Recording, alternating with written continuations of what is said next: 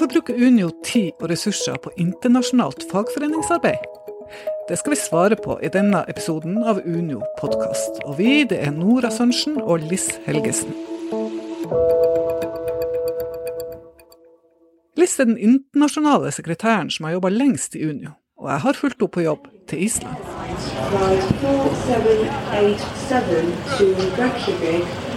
Liss hadde 80 reisedøgn i fjor. Det var et toppår, men som regel er det ikke mer enn 60. Da blir det mange flyreiser, og Liss sitter alltid på den samme plassen. Hvis man sitter inntil fire plasser nærme nødutgang, så har man eh, en viss sjanse for å overleve. Så jeg har kommet fram til at plass nummer fire da da, da, liksom uh, slipper jeg unna å bli most i førstelinja. Og, og så kan jeg kanskje klatre over likene. På, på vei ut. Hovedgrunnen til at det ble så mange reisedøgn i fjor, er at LIS har en sentral rolle i arbeidet med en ILO-konvensjon mot vold og trakassering i arbeidslivet. Men ILO, eh, hva var nå det igjen? Det er, eh, altså det er FNs arbeidsorganisasjon som består av tre parter, altså myndighetssiden i medlemsstatene og arbeidstaker- og arbeidsgiversiden i medlemsstatene. Og dette er en sånn helt unik konstruksjon. Det at tre parter er samlet i en internasjonal organisasjon og gjennom konsensus komme fram til vedtak om hvordan vi ønsker eh, at eh, arbeidslivet skal se ut, og alle aspekter ved arbeidslivet. Da. Og går igjennom status for enkeltland. Nei, hva skal jeg si? Ja, Man kårer liksom sånn verstinger ja, hvert år? Ja, ja, det er dessverre ikke kåring av vinnere. Eh, eller det, det, da ville vi selvsagt vært blant vinnerne, da. Men, men, det er eh, blame and shame. Eh, og det er bra at man får da uavhengige eksperter til å se på hvordan fungerer arbeidslivet i de ulike medlemslandene til FN. Og så velger man ut verstingene og så behandler man det hvert år, alle sider ved deres verstingpraksis. Og så må regjeringene da stå skolerette og forsvare hvorfor de eh, presterer så dårlig som de gjør, rett og slett. Vi sitter i Reykjaviks storslagne operahus Harpa, der Liss deltar på en nordisk konferanse som nettopp handler om ILO. Mr. Guni Johannesson, Guni, the floor is yours, please. Góðan daginn, kæru vinir. Det, er, eh, frem, det handler om fremtidens arbeidsliv sett med nordiske øyne. Det er et samarbeid mellom eh, Nordisk ministerråd og ILO. ILO blir jo 100 år i år. Og i den sammenheng så er det foretatt mange øvelser. Er ILO fortsatt relevant? Hva skal vi gjøre videre? Det er liksom diskutert fra opp og ned i mente fra forskjellige vinkler over hele verden. Og Norden har også hatt sine diskusjoner. Og så er det sånn at uh, islendingene har invitert inn partene i arbeidslivet og myndighetsrepresentanter til en nordisk 100-årsjubileumskonferanse. Og på 100-årsjubileet i juni håper LIS at medlemslandene kan bli enige om en ILO-konvensjon mot vold og trakassering i arbeidslivet. Men eh, hvorfor er nå det så viktig? De fleste som arbeider eh, i verden i dag, de har ingen beskyttelse mot vold og trakassering i det arbeidet de gjør. Det vil si, de fleste de jobber jo i uformell sektor, og da har man eh, absolutt ingen beskyttelse som landarbeider eller street vendor eller ja, you name it. Og det er store deler av det formelle arbeidslivet som heller ikke har eh, beskyttelse. Arbeidstakersiden har gjennom flere år bedt om at vi får til kjøreregler for arbeidslivet. Kjøreregler som bekjemper vold og trakassering, og ivaretar de som er utsatte. Så heldigvis, i 2016 så vedtok ILO-styret at i 2018 så starter vi å lage en konvensjon eller rekommendasjon, eller begge deler, som skal eh, bekjempe vold og trakassering. Det arbeidet starta, altså den fysiske Eller forhandlingene startet i fjor sommer, under den store ILO-konferansen. Eh, når man skal forhandle et regelverk, som en konvensjon er, eh, så skjer det over to år. Og det er mange prosesser både før og etter og innimellom. Men vi starta første runde i eh, fjor sommer. Um, to vi satt sammen, altså arbeidstaker, arbeidsgiver og regjeringssiden, satt sammen i 14 dager. Uh, det var lange dager, og vi forhandla oss fram. Eller vi diskuterte fram og tilbake på bokstavnivå omtrent hvordan en sånn konvensjon skal se ut. Og det var, eh, det var sannelig ikke lett. Eh, men eh, vi er på vei. Men din rolle, Liss, hva er den? Altså, jeg er jo den norske arbeidstakerrepresentanten inn i komiteen. Nå er YS og LO også med, men akkurat jeg har fått liksom den posisjonen som den formelle representanten. Og så I tillegg til det så har jeg et eh, koordineringsansvar for de nordiske. Og så er det også sånn under forhandlingene så pleier man å opprette en, eh, et type arbeidsutvalg, et mindre arbeidsutvalg, eh, eller byrå kaller man det på ilosk. Og da er jeg en del av det byrået også. Så jeg er tett på forhandlingene, kan man si. Jeg vil jo tro at de fleste er imot at uh, folk skal oppleve vold og trakassering på jobb. Uh, og det vil jeg jo tro at alle myndigheter og arbeidstakere og arbeidsgivere uh, er enige om. Men finnes det noen sånn konfliktområder når dere jobber og forhandler fram dette? Hvor går skille, skillelinjen f.eks. da mellom arbeidstakersida og arbeidsgiversida? For det første så er vi ikke helt enige om hva arbeidslivet er. Jeg vil si det sånn at arbeidsgiversiden er veldig opptatt av å snakke om arbeidsplassen, altså ha et litt snevrere begrep av, av, arbeid. Eller arbeidsstedet, da. Eller knytte det til et fysisk sted. Mens arbeidstakersiden eh, er opptatt av å snakke om arbeidslivet. Altså, det handler om de som Det å gå rundt med kontoret i lomma, og det handler om å være plattformarbeider, landarbeider, altså Eller ha mange jobber, være mellom jobber. Det er en konfliktlinje. Hvor, eh, hvor, går grensene for arbeidslivet? Er det bare det formelle arbeidslivet, f.eks.? Eh, eller kan vi regne inn uformell også? Eh, mange, der, der har vi hatt mange og ganske vonde diskusjoner. På samme måte som vi også hadde ganske lange og vonde diskusjoner knyttet til eh, vold, begrepet vold og trakassering. Altså, er det sånn at det skal ses i sammenheng? Er det en glidende overgang mellom vold og trakassering? Kan én handling være begge deler? Det, eller trenger vi å sette Altså arbeidsgiversiden er opptatt av eh, å kunne sette et objektivitetskriterium på det. De sier at vold De sa blant annet at vold, det er noe objektivt. Det kan vi forholde oss til. Det bør skilles fra trakassering, fordi det er så vanskelig å finne ut av hva som er trakassering. Det er utelukkende subjektivt. Men så sier jo vi nei, det er ikke subjektivt. Det er på en måte Vi kan ikke gå inn i sinnet til folk de, og bevise hva de mente når de trakasserte.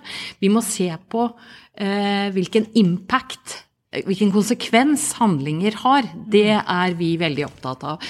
Så eh, mye diskusjoner knyttet til hvem og hvor denne regelen skal gjelde. Mm -hmm. Men hvorfor er det så viktig? Fordi eh, vi er opptatt av at det skal være et eh, rammeverk som gjelder flest mulig over hele verden. Vi har jo, altså i Norge og Norden for så vidt, eh, vi har eh, mye bra rammeverk og regelverk. Men sånn er det jo ikke andre steder. Eh, og vi er opptatt av å tegne en himmel, altså noe man skal strekke seg etter.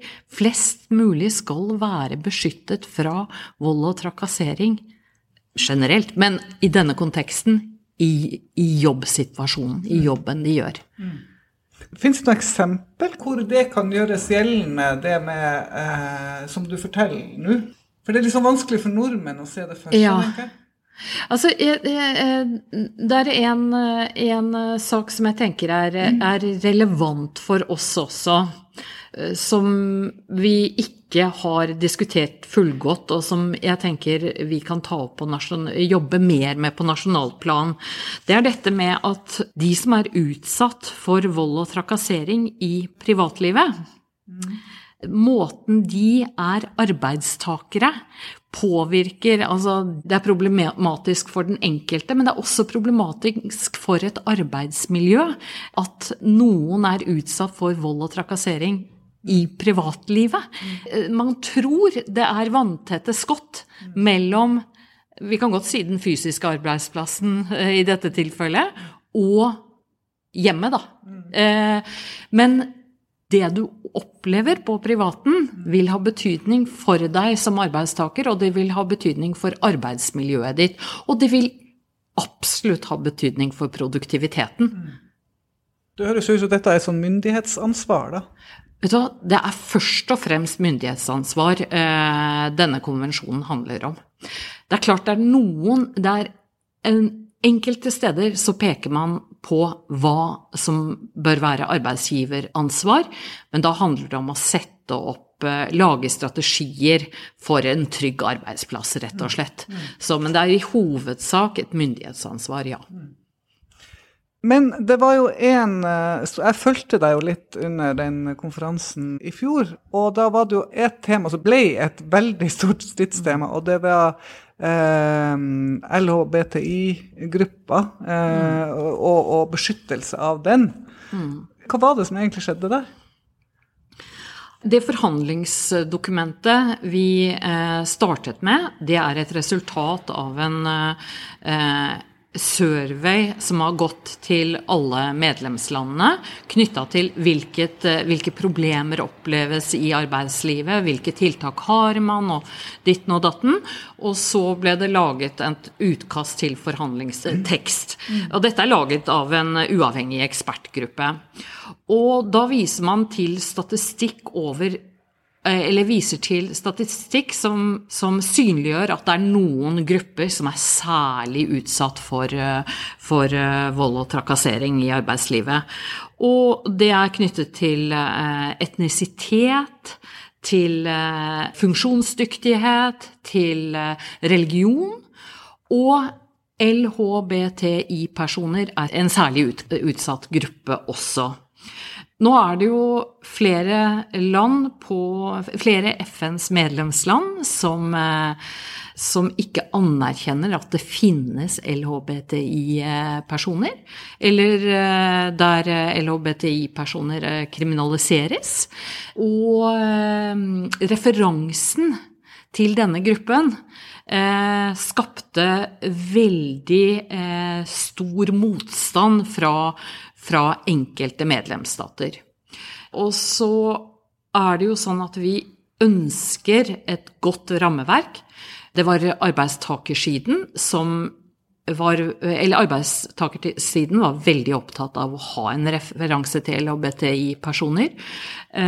Men vi forsto at alt kunne strande dersom vi sto på akkurat dette, så vi jobbet med alternative formuleringer som eh, ivaretok denne gruppen på en god måte.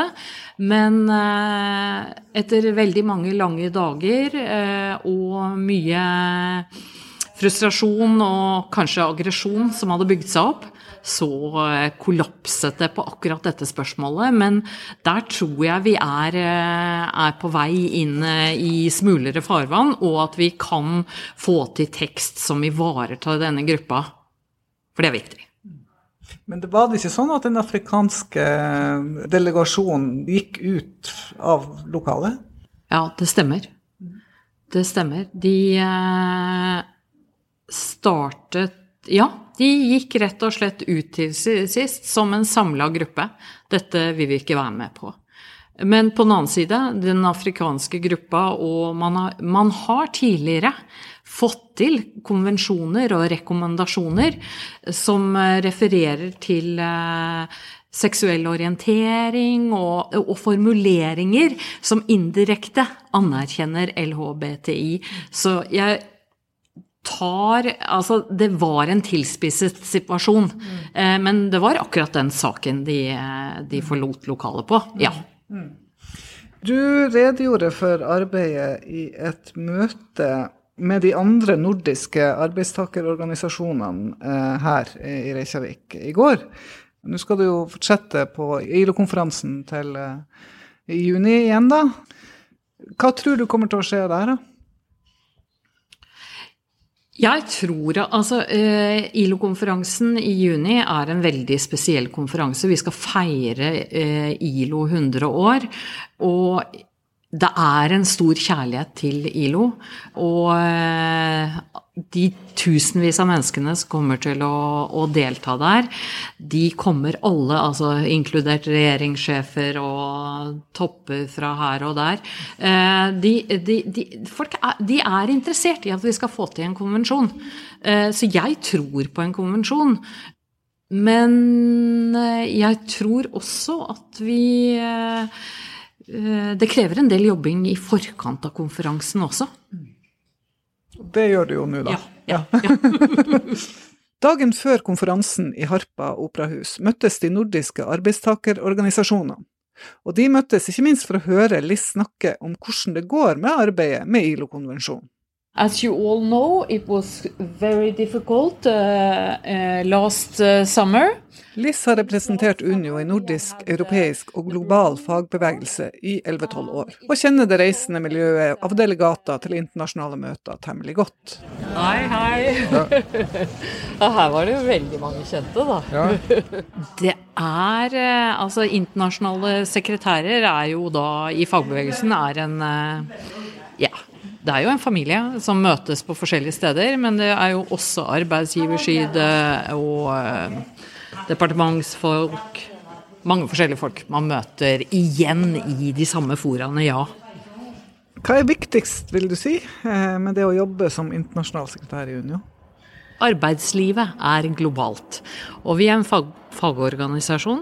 Vi jobber for våre medlemmers interesse. Og noen ganger så starter trender, veldig ofte starter trender andre steder enn i Norge, og vil ha betydning for våre medlemmer.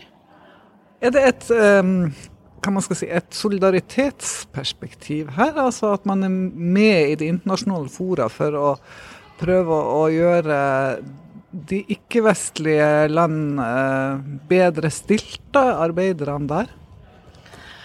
Altså, Fagbevegelsen er jo bygget på solidaritet, så uh, det verdigrunnlaget det, det, ligger i bunnen uansett.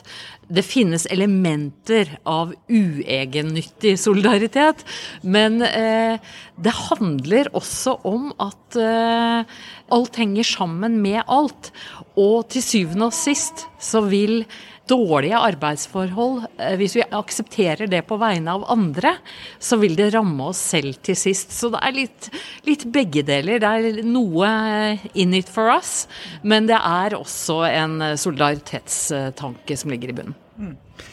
Hvordan vil du beskrive din jobb som internasjonal sekretær i, i Unio? Hvordan er arbeidsdagen din? Ja, for det første så har vi jo vi har på en måte, vi er medlem av en stor internasjonal familie. Altså den internasjonale fagbevegelsen, eller vi har den globale leddet, vi har det europeiske leddet, vi har det nordiske leddet. Og eh, vi har eh, diverse møtearenaer. Så er det også sånn at vi inviteres inn av internasjonale organisasjoner eller av norske myndigheter til å delta i dialogen, eller vi velger å delta selv for å påvirke globale prosesser eller nordiske prosesser. Så det er, det er både å delta på foreldre, nei, foreldreselskapene, de, eh, familieselskapene i fagbevegelsen. Det er én del, altså da har du fulgt opp med møter der. Og så er det å vurdere de invitasjonene man får. Og så er det det å følge med. Er det noen steder vi bør invitere oss inn? Så mye er reisevirksomhet, møtevirksomhet. Men det aller meste er skriving og prating. Altså det å forberede seg til møtet, det å analysere hva som egentlig skjer, legge strategier. Og snakke med folk, rett og slett. I den siste utgaven av Unio perspektiv, som du finner på unio.no, kan du lese mer om internasjonalt fagforeningsarbeid. Der kan du også lese om ILO og arbeidet med ILO-konvensjonen mot vold og trakassering i arbeidslivet. God lesing!